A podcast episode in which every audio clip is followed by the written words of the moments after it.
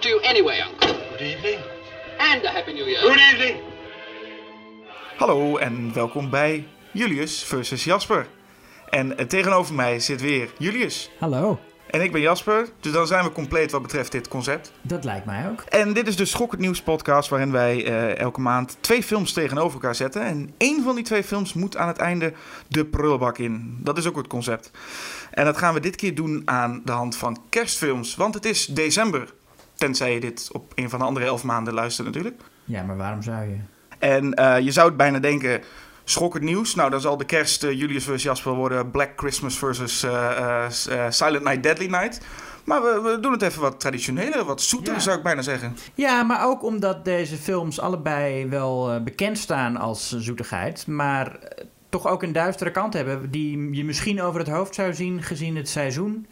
En dat je denkt van het zijn gezellige kerstfilms voor de familie, terwijl het eigenlijk allebei verhalen zijn met behoorlijk wat duistere eh, eh, kanten. Ja, en daarnaast mogen wij cynische mannen ook best wel eens een keer een wat zoetere film kijken, toch? Oh, absoluut. Daarom. En daarom hebben wij voor deze editie eh, It's a Wonderful Life. En dat is een film waar ik mij, eh, nou ja, het voor op ga nemen. En eh, Julius, welke film zet jij daar tegenover? Scrooge en dan de versie uit 1951. Die film wordt ook wel eens A Christmas Carol toch gewoon genoemd, Mm. zag ik. eh. Ja, dat klopt. Dat is ook een titel. Maar de, voor mij is hij oorspronkelijk als eh, Scrooge uitgebracht. Nou, en we gaan altijd een beetje chronologisch eh, beginnen we. Beginnen met de eerste film, bespreken we de tweede film en daarna zetten we ze een beetje tegen elkaar.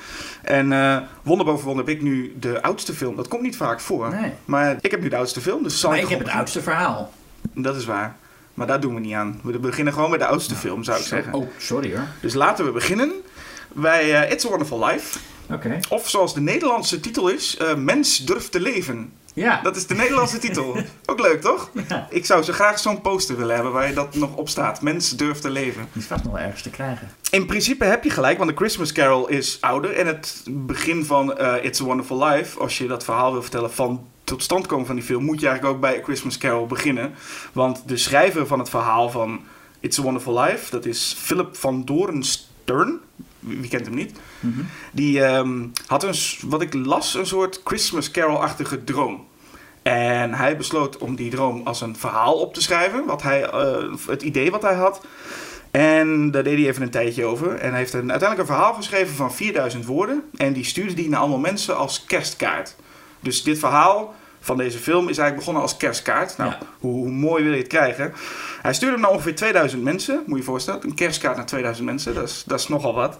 En eh, hij kwam onder, eh, via via kwam hij in handen van de eh, agent van Gary Grant, de acteur. Nou, die zag het wel zitten en die dacht, ik vind dit wel een, ook wel een, een, een goed iets om te verfilmen. En ook zie ik wel een rolletje voor mezelf. Maar dat ging niet door, want de film kwam daarna in handen van Frank Capra. En die kennen we allemaal wel als een nou ja, grote filmmaker, hele bekende films gemaakt. It Happened One Night, Mr. Deeds Goes to Town. En misschien wel een van mijn favorieten van hem, Arsenic and Old Lace. Die ken jij ongetwijfeld ook.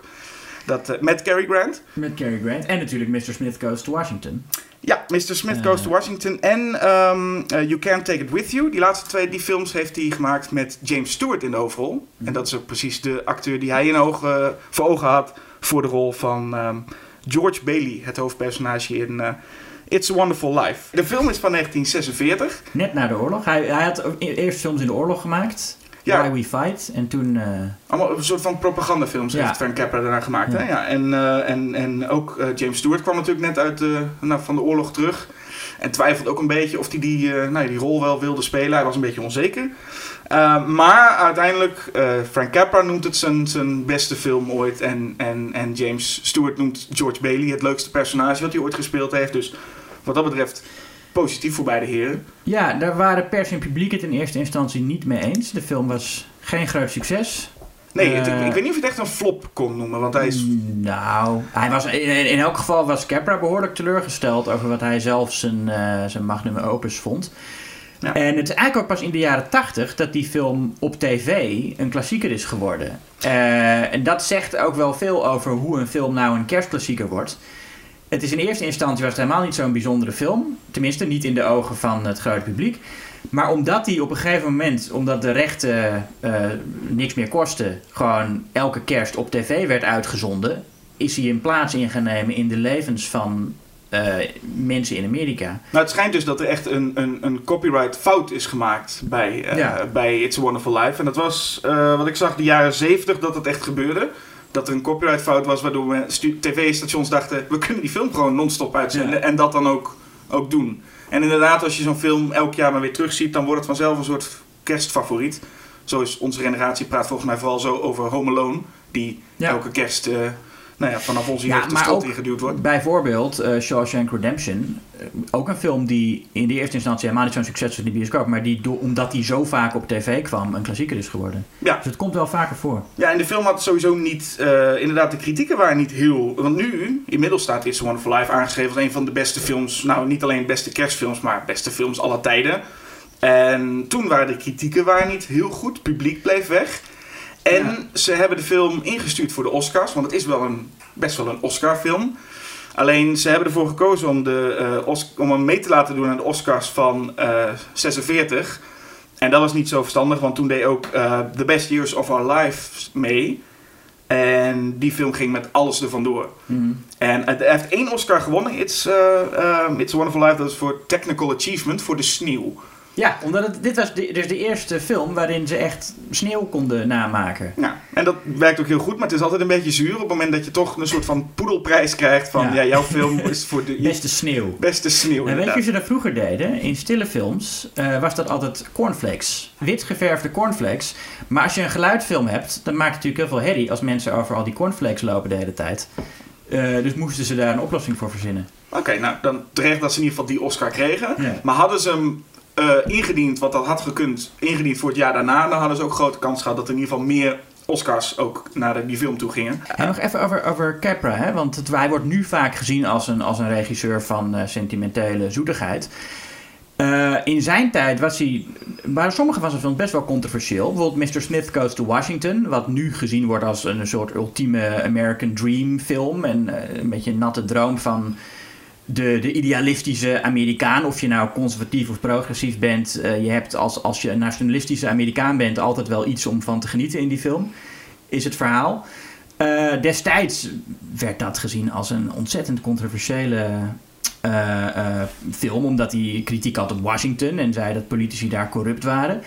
En zo ook It's a Wonderful Life eh, werd ook door de FBI verdacht van eh, communistisch gedachtegoed. Er is heel onderzoek naar geweest, omdat het, nou ja, dat, we het zo over komen te spreken, de, de schurk van de film Mr. Potter zo'n gewetenloze kapitalist is. werd gezien als communistische propaganda. Tegelijkertijd waren er toen ook al mensen die zeiden, die Capra, dat, dat is alleen maar zoete onzin. Hè, die, die vond, die, die, dat was toen ook al de mening onder heel veel critici dat die film te sentimenteel was. En dat Capra, dat kennen we nou wel, al dat, dat, dat zoete gedoe. Daar, en, en, en zeker na de oorlog had men daar eh, niet zoveel behoefte meer aan. Terwijl als je hem nu kijkt, eh, volgens mij veel meer opvalt dat het eigenlijk helemaal niet zo'n zoete film is, maar een voor het merendeel best wel deprimerende film met een happy end. Maar je moet wel echt door twee uur ellende. Van de FBI kwam over het personage van Potter, eh vielen ze.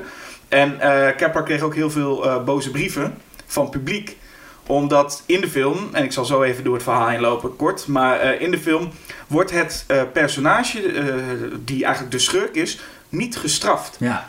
En daar was iedereen, nou ja, eigenlijk, wat was bijna een regel van, ja, maar je, je, je, je schurk moet ook echt gestraft worden. Hè? Dat gebeurde in deze Het film was, ook niet. eh, volgens mij nog letterlijk een regel in die tijd. Dat gewoon echt de, de, de, de, de censuur in Amerika. eh, Nou ja, goed, de Hays Code was niet meer zo streng als in de jaren 30. Maar hij bestond nog wel. Er was gewoon echt letterlijk een regel dat je film, als je een schurk had, moest die gestraft worden. En Mr. Potter komt inderdaad ermee weg dat hij 8000 dollar steelt. Eh, en het laatste wat tegen hem gezegd wordt is Merry Christmas, Mr. Potter. Als Jimmy Stewart bij zijn raam langs rent.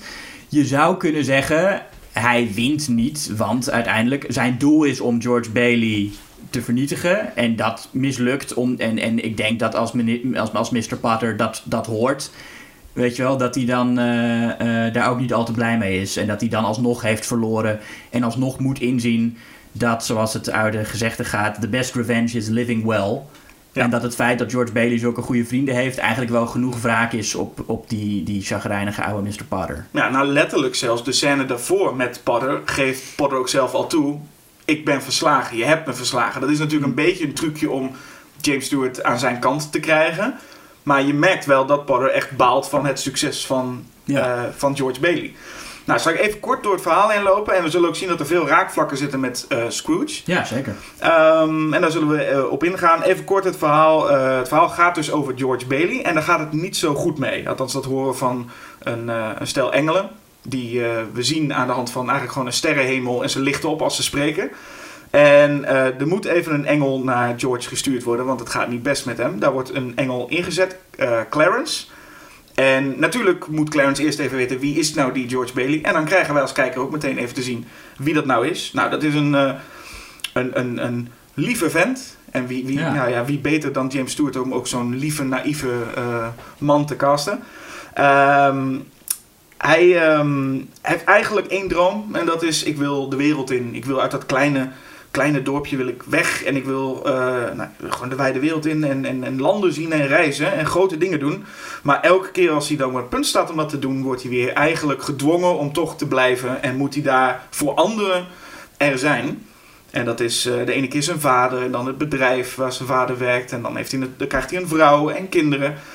Nou, dat merk je de hele film door dat dat hem een beetje opbreekt. Hoewel hij er het beste van maakt. Hij blijft positief, hij blijft optimistisch. Ehm, maar dan komt het moment dat ehm, hij inderdaad het geld, 8000 dollar van het bedrijf, eh, raakt kwijt. En je zei net al dat Mr. Porter steelt het, wat eigenlijk niet helemaal zo is. Hij krijgt het per ongeluk in Ja. handen en besluit het eigenlijk te, nou ja, niet terug te geven. Ook al weet Porter donders goed dat het van het bedrijf is. En dat is een heel groot probleem. In die problematiek eh, dat, dat George Bailey eh, het even niet meer ziet zitten, scheldt hij ook nog een lerares van zijn, van zijn dochtertje uit. En krijgt in de kroeg dan eh, vervolgens een, eh, een flinke map van eh, haar man.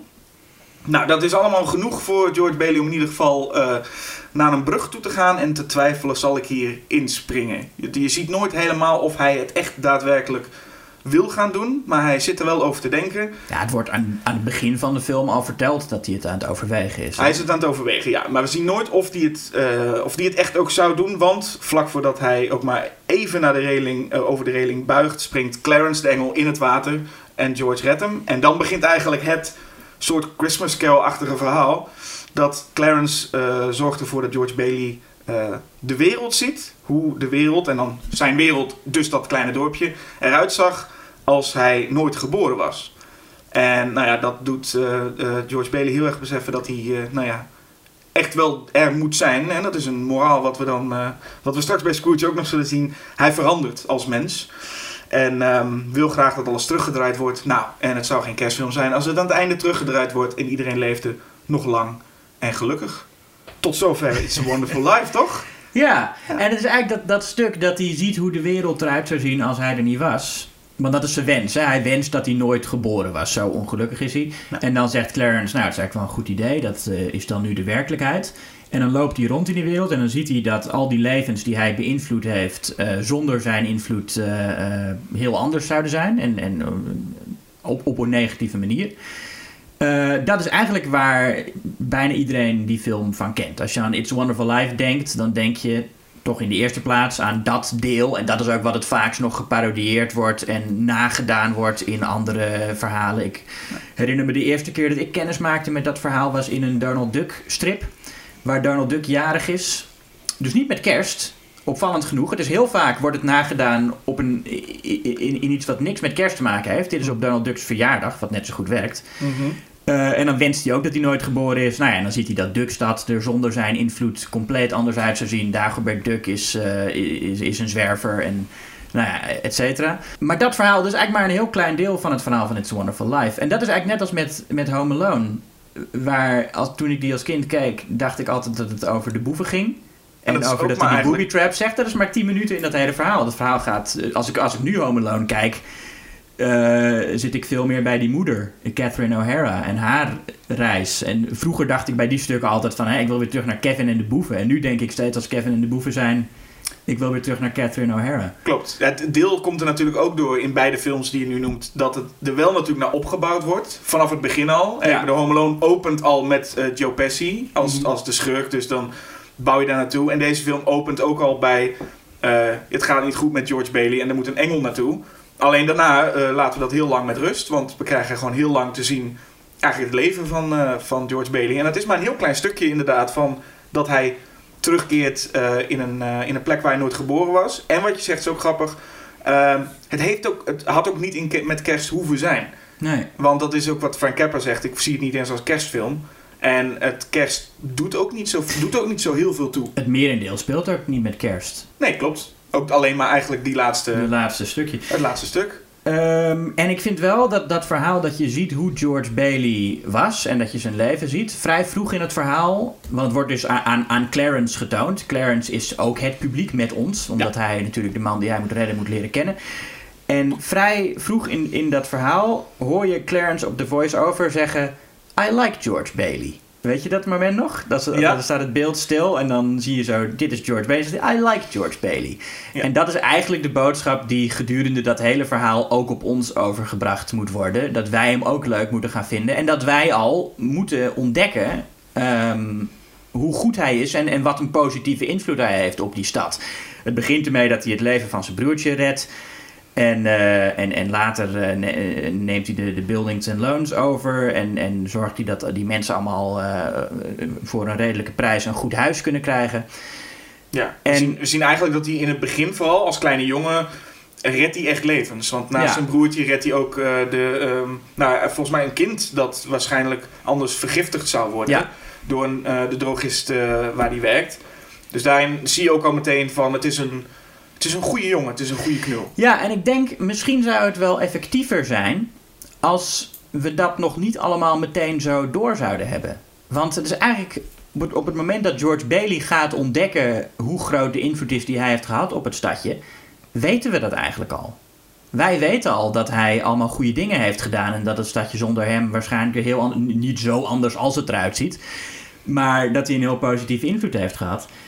Eh, ik denk dat die film misschien veel effectiever zou zijn als, als hij gewoon een normale man leek. En wij ook dachten van ja, hij heeft eigenlijk niks bereikt in zijn leven. En hij heeft inderdaad, eh, is het een beetje een loser. En ik snap wel eh, dat hij eh, van de brug af wil springen. Ja, waar, waar het drama ook heel erg in zit, is natuurlijk dat George Bailey een, eigenlijk een heel goed leven heeft. En ik bedoel, ieder, veel mensen zouden er een moord voor doen om zo'n leven te hebben. Ja, zeker. Maar George Bailey is, is, wil, wil veel meer. En al vanaf kinds af aan. Hij wil de wereld Ja. zien. En ik denk dat dat... Ik vond dat ook een heel mooi... ehm, iets wat nog steeds eigenlijk gewoon heel, heel relevant is. Is het idee van je moet jezelf wegcijferen voor anderen. En daar maakt hij het beste van. Ik was ook blij. Die film maakt het nog wel optimistisch. Dus niet dat we de hele tijd maar een soort emotioneel wrak zien van een George Bailey. Maar waarom moet ik dit doen? Maar je ziet wel dat er onder... Er knaagt wel iets aan hem dat hij dit niet kan gaan doen. Ook al maakt hij het beste van. Ja, het is een soort omdraaiing van de Amerikaanse droom. En, en, en ook van het, het klassieke Amerikaanse filmpersonage dat opgroeit in een klein dorpje en dat iets groots gaat bereiken. Van Luke Skywalker tot eh Bellen uit Bellen en het Beest. Het zijn allemaal mensen die zeggen van... Goh, ik zit hier in een, in een, in een, in een, in bekrompen omgeving. Ik wil, ik wil hier weg, ik wil avontuur. En als een personage dat aan het begin van een Hollywoodfilm zegt... Dan weet je van, oké, die gaat op avontuur en dat gaat wat worden. En bij George Bailey is de conclusie dat het niet zo is en dat dat gewoon oké is. Ja, en dat vond ik ook fijn, want anders je zou, je wil niet de hele film het gevoel hebben van, ach jezus, George Bailey zeur niet zo. En dat heb je hier niet. Je hebt niet het hele tijd het gevoel van wat een, wat een jammer komt. Kijk naar wat je hebt, man. Dat is toch hartstikke mooi. En hij, je ziet hem ook gewoon genieten van zijn vrouw, van zijn kinderen. Ook het bedrijf waar hij eigenlijk niet wil werken, maakt hij het beste van. Ehm, dus wat dat betreft is het wel fijn dat ze de hele tijd een heel positief personage neergezet hebben. In tegenstelling tot zo'n zo'n zeikert. Dat zou bijna een remake Mhm. vandaag de dag zijn. Dan zou het zo'n zeikert worden die wat hij heeft, maar hij klaagt, want hij wil nog meer. En dat, dat zit er nou, gelukkig niet in. Ja, is ook wel echt voor een groot deel te danken aan de fantastische rol van eh, James Stewart. Eigenlijk een nieuw soort filmster in die tijd. Veel natuurlijker dan gebruikelijk was. En ook veel minder eh, een, een eh, nou, zoals Gary Grant, die oorspronkelijk die rol wilde spelen, was een veel klassiekere, knappe filmster. James Stewart is, nou ja, niet, niet, niet dat hij niet knap is of zo, maar hij is wel een, een heel ander soort. Een, een beetje een ah shucks figuur, weet je wel. Een beetje een soort, een soort nerd zou je hem kunnen noemen. Ja. Eh, hij is ook een van de eerste, wat je nu heel vaak ziet, is zeg maar die ongemakkelijk romantische jongens in, in, in, in films. Een beetje de John Krasinski type. Die dan met een meisje gaan flirten op een beetje een op een, op een, op een awkward, cute manier, weet je wel, adorkable. Hij was eigenlijk een beetje de eerste die dat doet. Als je, als je die, die scène ziet waar hij met, eh, met Mary eh, op, op, op, op, op een date gaat.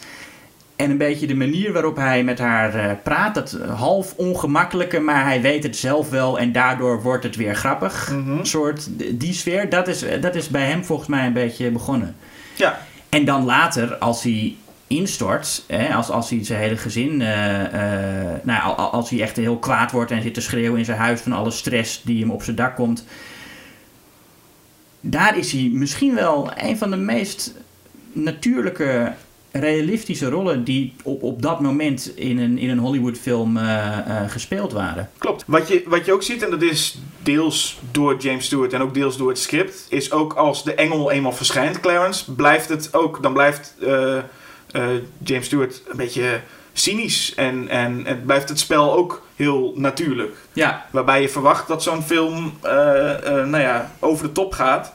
Ehm, is inderdaad het spel, het volledige spel, behalve misschien het einde van, van James Stewart, heel natuurlijk. Ik wou nog even, even zeggen over eh, It's a Wonderful Life. Ja. Ehm, dat eigenlijk, de, de, de, zoals de stad is zonder George Bailey, eh, vind ik het helemaal niet zo'n eh, zo'n slechte plek als ik het zo zie.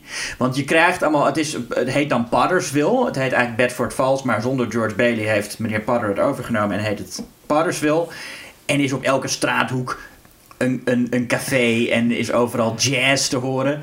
En eh, ik denk van ja, dat eh, is, vind, vind ik niet per se eh, dystopisch overkomen. Nee, maar het zit volgens mij vooral niet in de, in de, eh, eigenlijk de stad. Of ja, dat is heel erg... Ja, je krijgt allemaal- wel echt zo'n montage te zien van al die neonlichten met hier club en daar gokken. Ja. En, en ik Om een beetje van, ja, aan te geven waar, waar, waar, waar Potter eigenlijk zijn, zijn- Nou ja, wat hij het liefst heeft. Die heeft het liefst alle mooie wijken weg. En zet daar maar gewoon bedrijven neer en, en plekken die geld, eh, waar geld te verdienen valt. ja. En het zit vooral volgens mij in de mensen. Die, Ja. hè, de mensen zijn, zijn eh, eh, oh, zonder George Bailey zijn ze zagrij of dood. Dat kan natuurlijk ook. Maar of Ja. ze zijn zagrijnigen. Ja, nou, en dat is wel een, vind ik ook wel een goed punt dat die film hier maakt. Dat het echt de invloed van je omgeving op wat voor mens je wordt. Mensen worden veel minder sympathiek al in, in, in Pottersville dan wanneer ze in Bedford Falls bestaan. Eh, bijvoorbeeld de, de taxichauffeur en de politieagent. En weet je hoe die heette trouwens? Bert en Ernie. Bert en, ja, Bert en Ernie inderdaad. Eh, die zijn, in, als, als, als George Bailey in leven is, heel sympathieke mensen. En in Pottersville zijn het vrij chagrijnige figuren. En het gaat zelfs zo ver, dat vind ik dan weer een beetje overdreven, dat George zijn vrouw Mary, Mary heeft een bril als George nooit geboren was. Ja, dat is toch verschrikkelijk. Stel Je nou zou maar een bril krijgen. Een ja. vrouw met een bril. En ze werkt dan ook nog eens in de bibliotheek. Ze moet werken voor haar geld. Stel je voor. Nou ja, goed. Ik snap wel wat ze met die bril natuurlijk probeerden. Is ze, ze willen zeggen van zij heeft eh, nooit een man ontmoet. En is, nou ja. Ze heeft een bril. En ze, ja, ze, Ja. ze heeft een bril. Nou, de bril is natuurlijk gewoon puur een. Want ze, ze oogt volgens mij, ze, ze, ze gilt en ze is heel uh, ineengedoken. Ze is Mm. een stil grijs muisje. Ja. Ehm, wat ik niet me voor kan stellen als je het personage ziet voordat ze eigenlijk George Bailey echt ontmoet, hè, in, de, in, de, in het gewoon de echte verhaal, is ze heel eh, open, heel vriendelijk. Dus er moet wel heel wat gebeurd zijn omdat ze George Bailey niet heeft ontmoet. Ja. Dus dat, dat, het is niet zo dat ze toen, George, toen ze George Bailey ontmoette ook al een grijs muisje was en hij heeft haar eruit getrokken. Is op een of andere manier is er iets gebeurd in die tussentijd waardoor ze zo geworden is. En dat krijgen we nooit te zien. Maar en, en met bril inderdaad, ja. Ja. Ja, dat is wel heftig. Ja, en da- dat vindt Clarence ook het ergste nog om aan George te moeten vertellen. Dat wil hij in eerste instantie helemaal niet laten zien. Het feit dat, dat weet je wel, dat, dat zijn broertje dood is en dat zijn moeder heel cynisch is, dat is allemaal nog prima. Maar dat je vrouw zonder jou een old maid is die in een bibliotheek werkt en een bril draagt, nou... Dat zou bijna het meest positieve zijn, toch? Als je als man, als je als man dan voor zegt, ja, ze is nu eh, heel gelukkig met, met een hele leuke, knappe man. zou veel erger zijn. Had ook nog gekund, had ook gekund dat ze met die andere gast getrouwd was. Met die, die rijke man, weet je wel, die vriend van ze. Ja, en dat ze Ja. daar ongelukkig was. Maar het feit dat, dat als jij ontdekt van, nou jouw vriendin was, eh, als jij er niet was geweest, was ze ook altijd alleen gebleven. Dat klinkt ergens dan nog positiever dan, nee, dan had ze het toch leuk gehad. Had ze, had ze een, een, een, een, eh, een hele groep mannen en was het allemaal super fijn. Een hele groep zelfs. Een Ja. harem. Ik, een, ja, Toch? Dat, eh, ik, ik weet niet hoe, wat vrouwen graag willen, dus ik, eh, ik verzin maar wat. Maar in ieder geval, ze had geen bril. Dat is, dat is het belangrijkste. Je weet- Jij weet niet wat vrouwen graag willen. Nee, als ik, goed dat we dat on the record hebben. Ja. Oké, op naar iemand die ook niet weet wat vrouwen willen. Meneer Scrooge.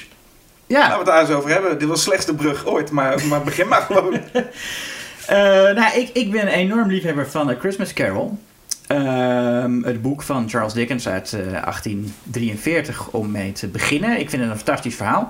Hoewel het ook, eh, net zoals It's a Wonderful Life, eh, ook een boodschap heeft die op verschillende manieren op te vatten is. En ook niet altijd eh, zo hoopgevend als, als bedoeld.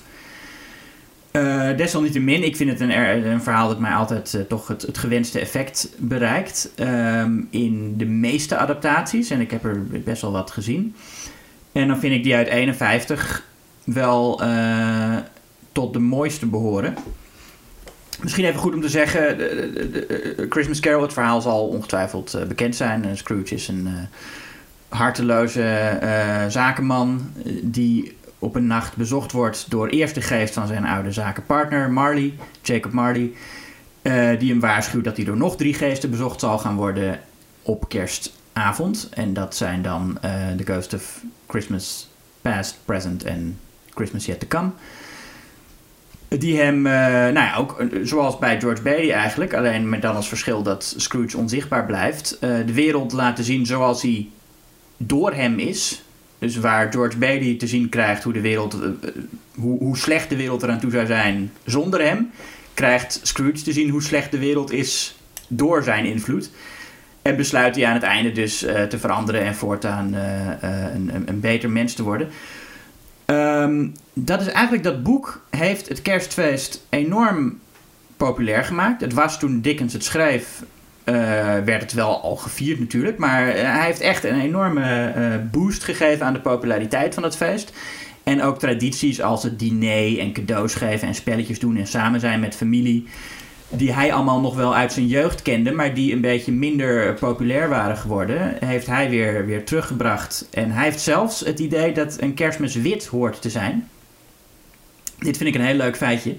Een witte kerst is eigenlijk nooit gebruikelijk geweest in eh, Engeland en, en ook niet in Nederland en in, in, in Oostenrijk wel natuurlijk. Maar in, in dit deel van Europa is een witte kerst eigenlijk altijd een zeldzaamheid geweest.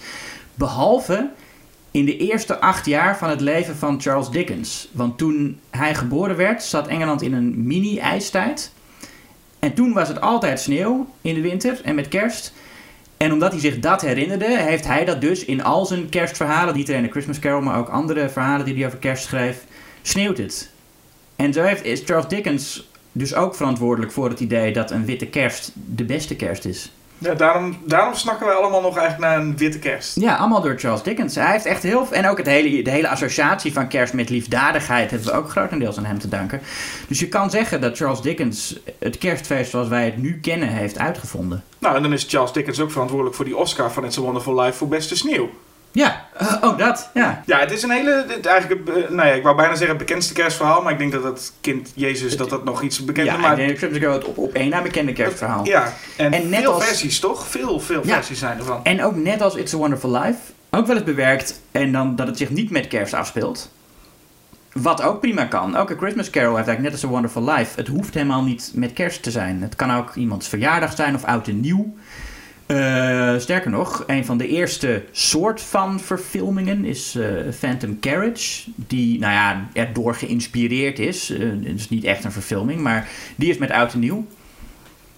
Een zwijgende film uit, uit god, ik weet niet eens welk Scandinavisch land. Nou ja. Maar dan moeten de geesten ook anders heten, toch? Nee, daar is maar één geest. En, dat en, en daar is het ook geen, geen eh, rijke zakenman, maar juist een, een, eh, een, een dakloze die eh, ziet hoe hij zijn leven verpest heeft en dan een tweede kans krijgt. Oh ja. Het is al vaak verfilmd en voor de versie die wij gaan bespreken van 1951 zijn er, ja, er waren natuurlijk heel veel stille versies, maar de eerste geluidsversie was uit 1935 met Seymour Hicks. Eh, dat vind ik ook een heel aardige. En toen kreeg je in 38 een Amerikaanse versie met Reginald Owen. En die was eigenlijk vrij lang, werd dat, gezien als de definitieve Christmas Carol. Ehm, terwijl die vind ik eigenlijk helemaal niet zo, eh, niet zo goed, omdat daar alle, alle duisternis eigenlijk uit het verhaal is getrokken. Je ziet het Victoriaanse Londen. Kijk, Dickens was echt eh, politiek betrokken. Hè? Die wilde echt ook laten zien hoe erg de armoede daar was in Londen. En in die versie met, eh, met Owen uit 38 is Victoriaans Londen een heel gezellige plek. Waar iedereen eh, elkaar, elkaar, elkaar vrolijk begroet. En ook de armste mensen die, die, hebben, ja, die, die, die hebben, hebben het dan niet zo goed als anderen. Maar hebben ook wel voldoende te eten. Niemand gaat dood aan de honger. Ehm, dus eigenlijk denk je dan, ja, zonder, zonder die duisternis is ook het sentimentele einde niet echt verdiend. De versie uit 51 is eh, tot dan toe de meest getrouwe versie, denk ik. En die ook echt de nadruk legt op de armoede in eh, het Victoriaanse Londen. En, en alle duistere elementen uit Dickens' verhaal opneemt. Ja, maar ik zag ook dat in, als je nou ja, even wat research doet na A Christmas Carol, dan zie je eh, heel veel toplijsten met wat is je favoriet. Dat kan nou eenmaal als er zoveel verfilmingen zijn. Deze komt wel een paar keer, staat ergens op één. Maar ik, ik merk wel dat er nergens nu, van alles wat er is, echt eentje wordt aangewezen met dit is de. Nee, Wat, wat ik wel opvallend vond. Ik dacht er zal altijd wel één zo'n film zijn die Mhm. zegt van dit is de en dit zijn alle anderen die daarna komen. Maar dat is er niet echt toch? Nee, nou, het, het was dus eerst die uit 38 en toen is het vrij lang deze geweest, die gezien werd als de Christmas Carol. En toen had je in, in volgens mij 71 nog de musical met Albert Finney, wat ook een mierzoete versie is. Die ook eh, het Victoriaanse Londen als een, als een gezellige, vrolijke plek eh, afbeeldt. Nou ja. Dus ook eentje die voor mij niet echt eh, bij, de, bij, bij de, de goede, zeg maar de Christmas carols waar ik van houd, laat ik het zo zeggen. ja. Ehm, Is dat dan meer die van eh 84 met George C. Scott? ja, die, van, die, die vind ik erg goed. Die met, en, en George C. Scott is ook een geweldige Scrooge trouwens. Ja, ja. En een andere favoriet van mij is de animatieversie uit 73 van Richard Williams van 25 minuten. Waarin Alistair Sim opnieuw de stem van Scrooge inspreekt. Oh ja. En ook Michael Hordern, die eh, Marley speelt, keert daar terug als Marley. En dat is van alle Christmas carols eh, zou je, ah, nou ja, de, de meest eh, eh, horrorfilm. Die, dat kun je echt een horrorfilm noemen, die animatiefilm. Die is echt eh, enorm duister en droomachtig. Hij gaat super snel door dat verhaal heen. Eigenlijk kun je het nauwelijks bijhouden. Als je het verhaal niet kent, dan snap je waarschijnlijk de helft niet. Ehm, maar hij is ontzettend mooi en, en- en een, soort, een, soort, een soort nachtmerrie. Het is met animatie die geïnspireerd is door houtsneden uit, uit het Victoriaanse tijdperk. Dus ook eh, de illustraties van eh, Christmas Carol, van de oorspronkelijke uitgave. Eh, heel mooie film, ga die absoluut kijken. Maar zorg wel dat je dan eerst het verhaal een beetje kent, want anders snap je er waarschijnlijk weinig van. Nou, en meest recent, of ik weet niet of het meest recentelijk is, maar er was nog zo'n ehm, 3D-animatie met Jim Carrey. Dus misschien ook ja, zo'n motion capture uit 2009, die ook heel duister wil zijn. Maar die vind ik dan weer een beetje, daar voelt het een beetje alsof Robert Zemeckis, die toen ook heel erg probeerde dat motion capture een ding te maken. Het voelt een beetje alsof Zemeckis wilde zeggen van... Kijk eens hoe, hoe, hoe duister ik durf te zijn met dit verhaal. Wist je wel dat het eigenlijk een heel duister verhaal is? En als je het... Ik, ik vond het daar eh, dan weer nep. Of zo. Dat, dat vond ik dan weer allemaal... Hij voegt ook allemaal dingen toe om het nog enger te maken. Nou, gelukkig hoef je het ook niet voor die films op te nemen. Dus, Nee, nee, de- nee, nee, Je mag het opnemen voor de, de versie uit 1951. En die is, die is best wel duister op bepaalde momenten, hè? Ja, het is de eerste film waarin Ignorance en Want voorkomen. Eh, twee, twee van mijn favoriete personages. Het, zijn, eh, het is een heel raar moment, vind ik altijd. Maar ook een heel mooi moment. eh, dat aan het einde van het stukje Ghost of Christmas Present... dan onthult de Ghost of Christmas Present twee kinderen onder zijn mantel. Twee magere, enge, bleke kinderen. Die blijkbaar Ignorance en Want heten. En die zich aan hem vastklampen. En er, was, ja, er zijn heel weinig films eigenlijk die het aandurven om dat eh, op te nemen. Dit was de eerste waarin ze verschijnen. Wat, wat vond je daar? Ken, kende jij ze al? Ik had, nee, ik had geen, ik, toen, hij, toen die, inderdaad die geest, wat je zegt, toen die geest zijn, eh, zijn mantel en daar zaten twee kinderen, dacht ik wel, ik heb, wat gebeurt hier nu? Ja. Dat, ik had geen idee wat daar, nou, eh, wat daar nou mee gebeurde. Maar dat was hetzelfde moment als dat ehm, zijn collega, hè, die verschijnt dan als, als eerste en dan uit het raam wijst. En dan gebeuren er ook, voor mijn gevoel, dingen. Het zijn ook wat, Er dingen. Je bedoelt Ja. al die geesten die er buiten het raam eh, een soort, soort van hangen. Een soort van half dansende geest heb ik het gevoel. En hij, gaat, hij komt daar ook Ja, nee, wat het, wat het is, wat het in het, in het boek wordt dat uh, vrij duidelijk beschreven. Die geesten die proberen nog iemand te helpen. Want er zit een, een, een vrouw op straat met een kind. Mm -hmm. En er zijn allemaal geesten omheen. En in het boek wordt uitgelegd dat die geesten proberen haar te helpen, maar kunnen dat niet meer. Oké, okay, dat werd mij niet heel duidelijk. Ik vond het vooral een, een bizar schouwspel wat ik daar, daar zag. Maar, um, maar dat komt ook omdat ik het verhaal wel in grote lijnen kende, maar de, de, de kleine ins en outs niet. Dus dat hmm. was voor mij nogal een verrassing. Ja, er is hier een punt waar uh, de film, wat mij betreft, het boek echt verbetert. En dat is met Christmas Past. Wat uh, vaak het saaiste deel is van het verhaal. Hè, dat Scrooge zijn verleden te zien krijgt. En ook zeker in het boek is dat zo. Um, want in het boek is het eigenlijk, ja, ze, ze gaan naar, naar, naar de school waar hij op zat. En dan zie je dat hij geen vriendjes heeft en dat hij alleen maar boeken zat te lezen. En eigenlijk het enige wat je in, in, de, in, in de geschiedenis over hem leert, is dat hij zijn hele leven lang een, uh, een, een, een somber persoon is geweest met weinig vrienden en ook ongelukkig in de liefde. En het laat helemaal niet zien hoe Scrooge nou zo'n uh, gewetenloze zakenman is geworden. En in, in deze film gebeurt dat wel. Je krijgt echt te zien hoe die is opgeleid. Hè. De, de, eerst zat hij bij Mr. Fezziwig. En toen is, is hij ergens anders gaan werken... waar hij uh, Jacob Marley heeft ontmoet. En dat hele deel... en dat hij dan dat bedrijf overneemt en zo... dat is allemaal in deze film erbij verzonnen.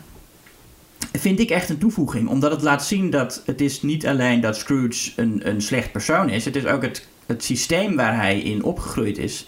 dat hem heeft gemaakt tot wie hij is...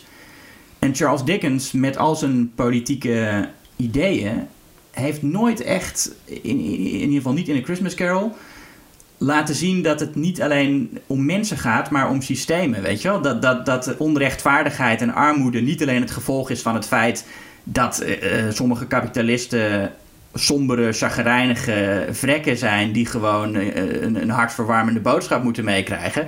Maar dat het hele systeem verkeerd is. Ja, en het is, ik, je hebt ook het, uh, volgens mij staat het ook niet in het verhaal, is het overlijden van zijn zus. Ja, de, ja en, dat, en dat neemt hij zijn neef uh, kwalijk, dat ja. uh, inderdaad zijn zus bij de geboorte van die neef is overleden. Ja, dus wat, wat dat betreft nog vrij deprimerende film. In ieder geval, dat, zeker dat stuk is, is vrij, uh, ja. vrij tragisch met het zeker. overlijden van zijn zus. Ja, er zit eigenlijk heel weinig uh, vrolijkheid in het begin. Uh, behalve dan het feestje bij Fred, bij neef Fred. Wat, ik, wat vaak ook een van de hoogtepunten is voor mij. Dat, hij, dat Scrooge ziet hoe er op het feestje bij zijn neef over hem gepraat wordt. Nou, we, we kunnen ze een beetje tegen elkaar zetten. Um, wat valt dan vooral op als we, als, we, als we It's a Wonderful Life tegenover Scrooge zetten? Wat is het eerste wat jou opvalt? Um, nou, een vergelijkbare boodschap dus. Die uh, ook in beide gevallen ook op een heel cynische, negatieve manier valt te interpreteren. Bij It's a Wonderful Life zou je ook kunnen zeggen dat de boodschap is van... Um, volg je dromen niet, wees niet ambitieus, het is wel goed zo en, en, en uh, pro probeer vooral niks te bereiken in het leven.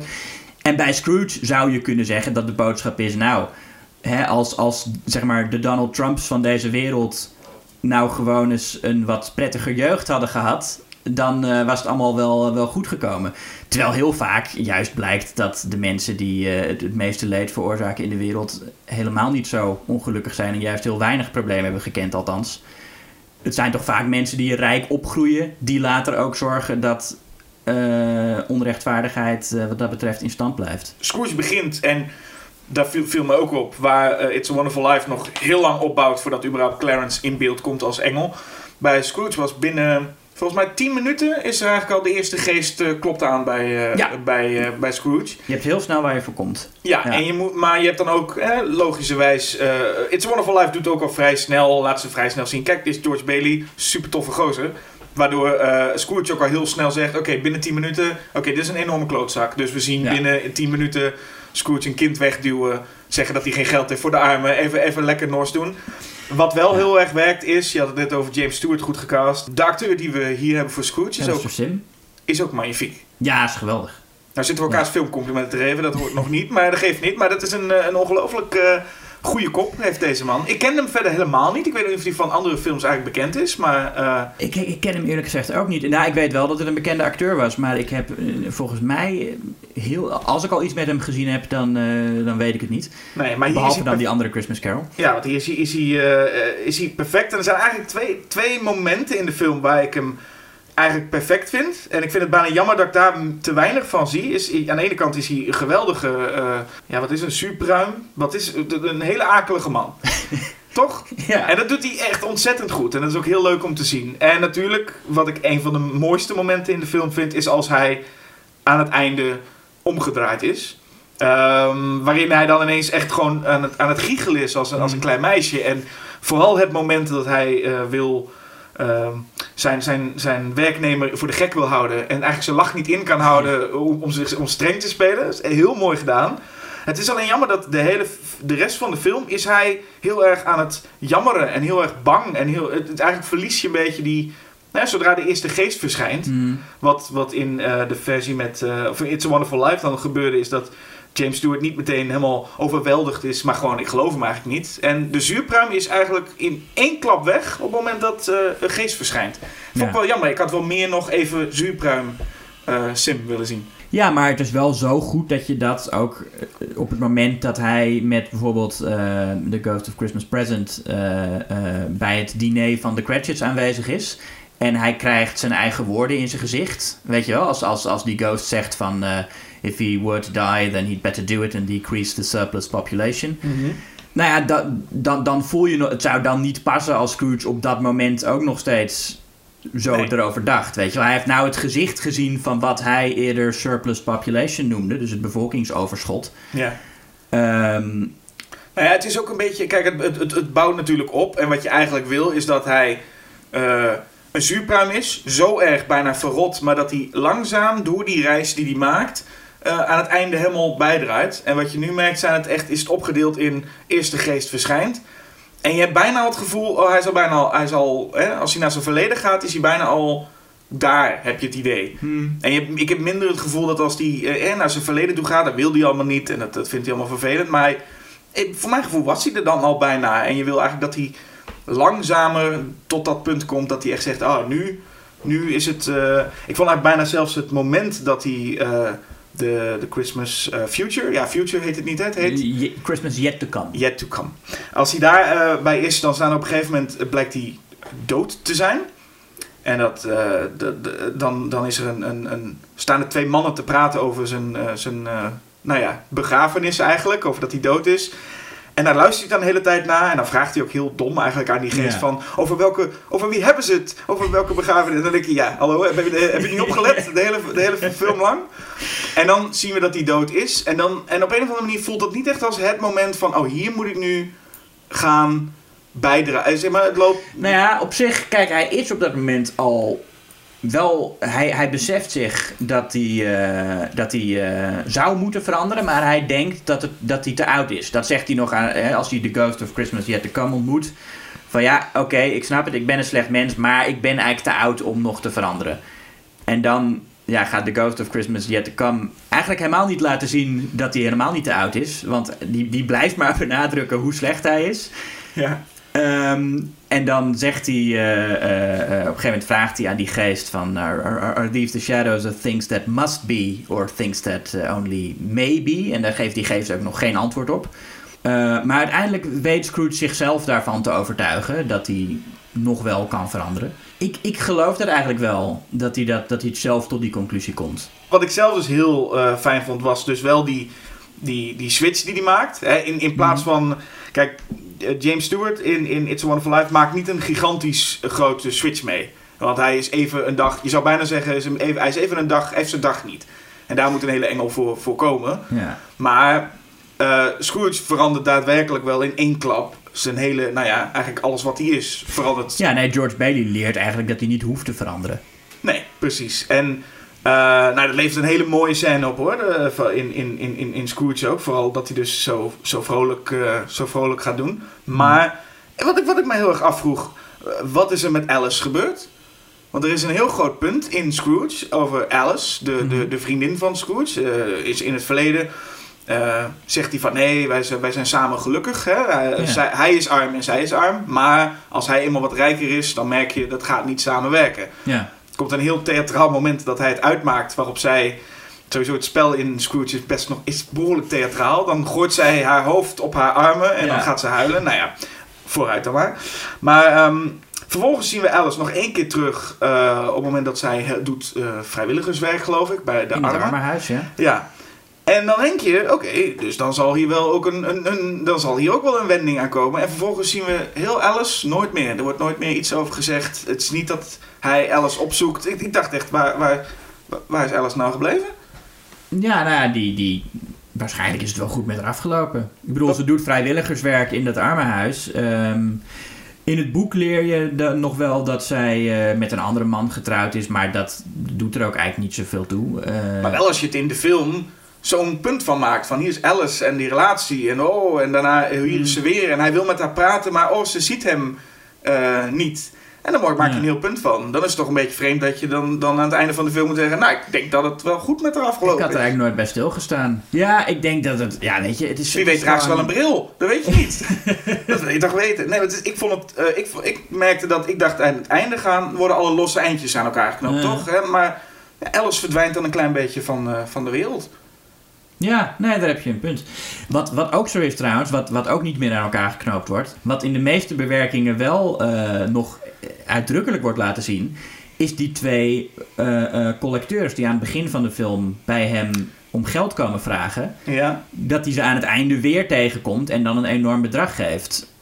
Eh, zit gek genoeg ook niet in deze versie. Nee, ik moet ook zeggen, ik vond het, het, eind, het alle einde, het, het, het echt het laatste, ik vond de film daar ineens best wel afgeraffeld. Het, het was eigenlijk hij, eh, prachtige scènes, hoogtepunt van de film voor mij is dat hij de, zijn werknemer gaat, eh, gaat belonen en hij heeft met zijn huishoudster geloof ik een soort van, die, die denkt dat hij helemaal gek is. Ja.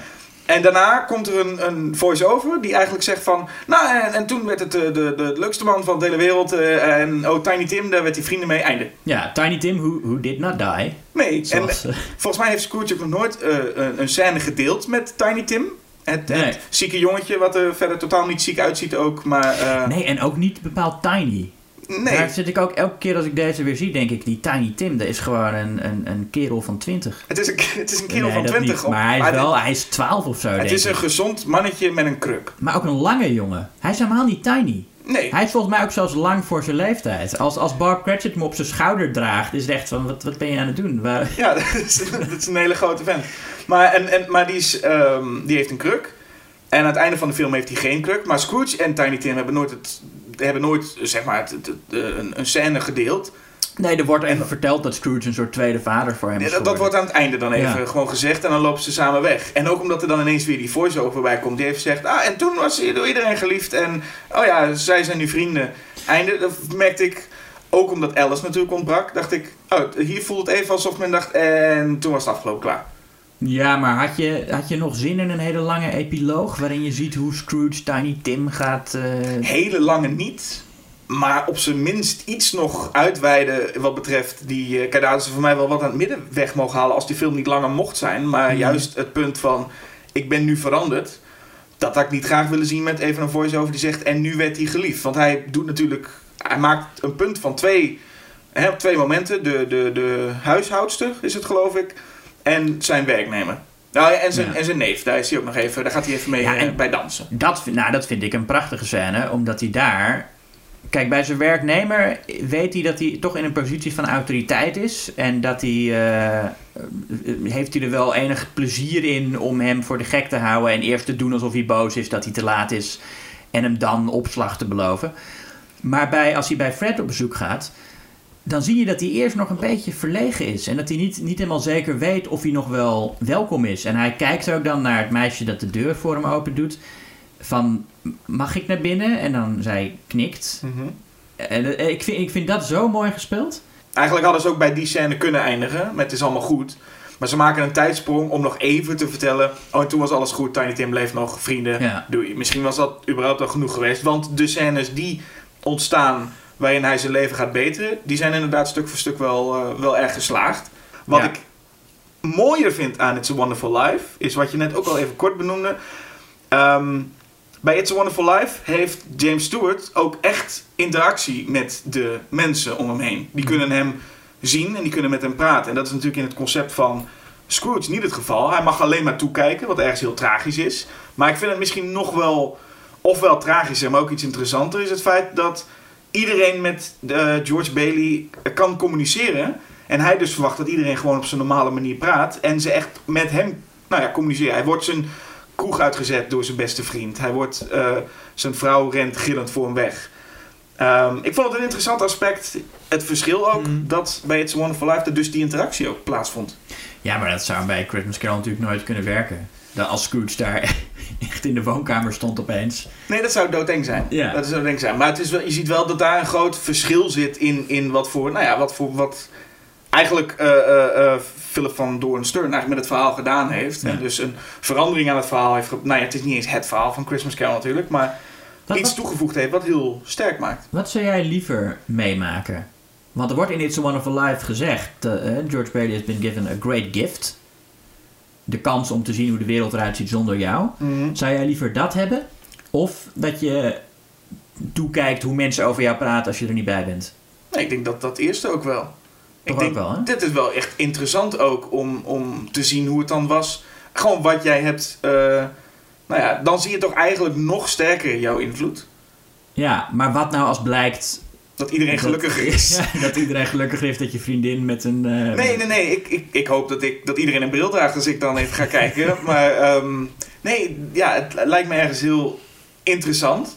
Wat ook interessant aspect daarvan is, is hoe zou iedereen op jou dan ook reageren als je hen dan aanspreekt of hen op straat tegenkomt. Dat lijkt me ook een Hmm. interessant gegeven, maar het is voor een film ook, vind ik, heel interessant. Het feit dat, eh, dat men dus zo op George Bailey reageert. Hij, Ja. nou ja, spreekt iedereen bij naam aan en ze denken allemaal, waar, ah, waar ken je me van? Ik snap niet waar, ik weet niet wie je bent.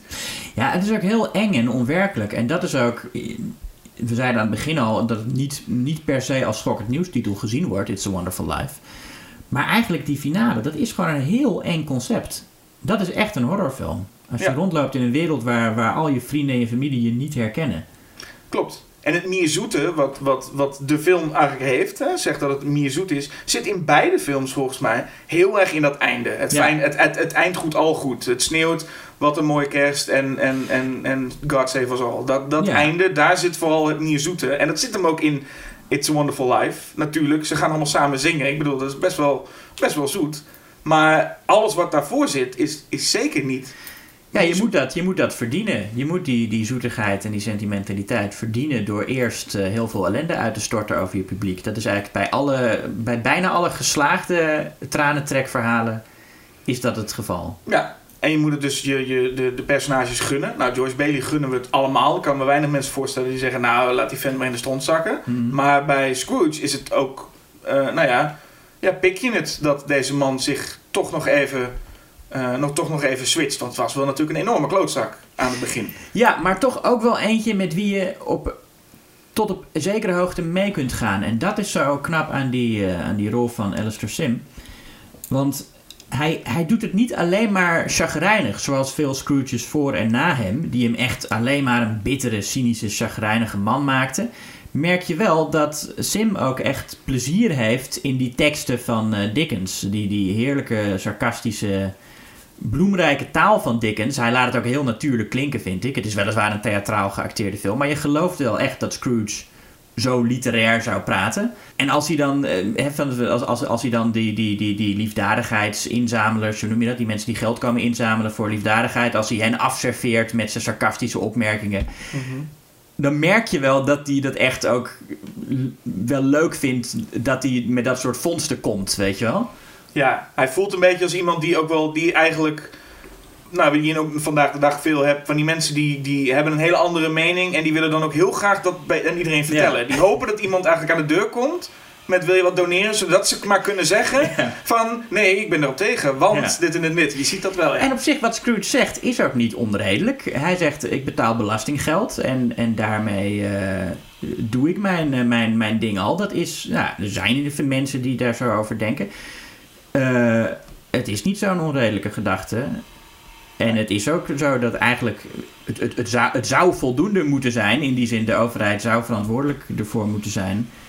Niet dat we hier nu een politieke podcast van moeten gaan maken. Maar ja, het is, het is een politiek boek, weet je wel. En Dickens was een politieke schrijver. Ehm, en die ook echt heel bewust dat, dat kerstverhaal plaatste in een maatschappelijke discussie. Want als Scrooge het woord surplus population gebruikt, is dat ook echt een, een directe verwijzing naar die term die toen eh, nog pas geïntroduceerd was. Ja, je kunt je bijna voorstellen, het zou interessant zijn als je mm, deze film met iemand gaat kijken die, die eigenlijk zo is en denkt als Scrooge. Want dan is het eigenlijk, een, eigenlijk een hele slechte film. Dat de film eigenlijk eindigt met hebt- een heel negatief, Je negatief mensen, boodschap. je hebt mensen die zo denken. De, de Ayn, Ayn Rand fans die verdedigen Scrooge aan het begin van de film. En die zeggen het is inderdaad een film met een, met een unhappy end. Ja, Die man had helemaal gelijk dat hij geen geld geeft. en het, de slechterik in It's a Wonderful Life, meneer Potter, is misschien nog wel nog erger een, een karikatuur van slechterik dan Scrooge. Want dat is e- echt in Ja. alles ook een, een, een enorme, eh, een kwaadaardige man die alleen maar aan geld denkt. En als iemand overlijdt, denkt hij, ja, kan, kan mij echt Hmm. aan mijn reet roesten dat iemand overlijdt. Ja, staat ook op de, op de lijst van, eh, beste, van de EFI van de beste schurken uit de filmgeschiedenis. Nou ja, we, we, we- komen er sowieso niet uit, want eh, dat, is, dat is nooit zo. We komen er nooit uit. Maar één van de twee moet weg. Eh, laatste gedachtes. Waarom, waarom Scrooge?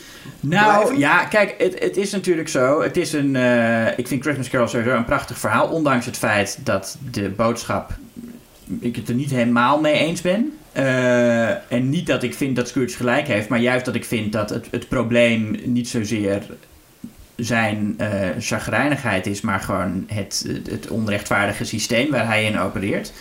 En, en dat dat dus aan de kaak gesteld zou moeten worden. En, en dat het helemaal niet het probleem is dat hij nooit gelukkig is geweest. Dat, volgens mij is, is het een misvatting om onrecht in de wereld te, te willen verklaren met het idee dat de mensen met de meeste macht gewoon wat gelukkiger en sentimenteler moeten worden. Ehm, desalniettemin vind ik het een, eh, een heel ontroerend verhaal dat bij mij toch altijd weer die, die snaar raakt. En er zaten deze keer, volgens mij waren er drie momenten waarop ik een, een, een traan moest laten. En eh, in It's Wonderful Life waren dat er maar twee. Dus dan wint oké. Scrooge het. Vind ik, vind ik een goed punt. Gewoon het aantal tranen zegt welke... Maar dus, dus, het, dus er gaat wel met een beetje pijn in het hart. Gaat It's a Wonderful Life voor jou de prullenbak? Ja, zeker. Nee, en het is ook, kijk, het is technisch misschien ook, het is, het is technisch eigenlijk de beter gemaakte film. Dat moet ik wel eh, toegeven. Het is gewoon, ik ben enorm fan van A Christmas Carol en dit is een van de beste verfilmingen daarvan. Nou, als ik dan nog het punt even moet maken waarom It's a Wonderful Life moet blijven staan, zijn, nou ja, alle argumenten die jij ook al net benoemde eh, voorop. Ik kan het flauwe argument maken dat er van eh, Christmas Carol zoveel zijn dat ik denk als deze weg is, dan hebben we er nog een heleboel over. George Ja. Scott blijft dat, nog eh, bestaan. had, ik, had ik ook wel verwacht. Dat Is, je dat is een beetje, nee, maar is een beetje, beetje flauw. Wat ik eigenlijk, om het ook maar meer zoet te eindigen, wat ik heel erg merkte bij It's a Wonderful Life, dat ik, die heb ik nu een paar keer gezien. En elke keer raak ik iets meer, word ik iets meer verliefd op die film. Tot deze keer dat ik hem nu bekeek aan toe. En toen eh, merkte ik best wel veel emotie bij die, de eindscène ook. Dus ik dacht echt even van, wow, dat gebeurt mij niet vaak dat een film dit doet. Dus ik kan gewoon, hoe goed Scrooge ook was geweest. En het is een goede film. Het is een, het is ik vind het, vond het ook zeker een van de betere Christmas carols die ik gezien heb. En een hele grote aanrader. Maar wat It's a Wonderful Life eh, deed, daar kan ik gewoon niet over markt voor krijgen om die weg te gooien. Dus het moet hoe dan ook It's a Wonderful Life worden die blijft. Dus dat was een mooi emotionele Ja. einde voor, voor ons allebei zo in dit geval. Hè? Het is Ja. een beetje alsof het een kerstaflevering is. Bijna wel, hè? Ja, Nou, en, eh, maar dan willen we ook van jullie kerstkaarten ontvangen met daarop jullie keuze natuurlijk. Precies, En dan heb ik het over de luisteraars. ja, dat hoeven geen kerstkaarten te zijn zoals Philip van Doorn Stern van 4000 woorden. Maar een paar woorden mag je wel wijden aan je favoriete kerstfilm. Van mij mag je ook wel 4000 woorden schrijven als je daarmee een nieuwe kerstklassieker aflevert. Dat is waar, dat is waar. En eh, laat vooral weten welke je kiest, Scrooge of It's a Wonderful Life. En je favoriete andere kerstfilm. Weet je wat ik trouwens de leukste Christmas Carol eh, bewerking eigenlijk vind? Nou, De Blackadder Christmas Oh ja. Carol. Waarin Blackadder begint als een hele sympathieke man. En daarna drie geesten krijgt die laten zien dat eigenlijk een klootzak zijn misschien nog wel veel leuker is. Ja. Waardoor hij dan eindigt is als een klootzak. Vond ik dan ook wel weer leuk. Dus dat is nog een kleine aanrader voor, eh, voor tussendoor. Ehm, laat het ons weten. It's a Wonderful Life, Scrooge of misschien toch Home Alone. of Home Alone 2. Oh, met die vrouw met die duiven. Ja, Ja, Ja. alright. Eh, tot de volgende keer. tot volgende keer.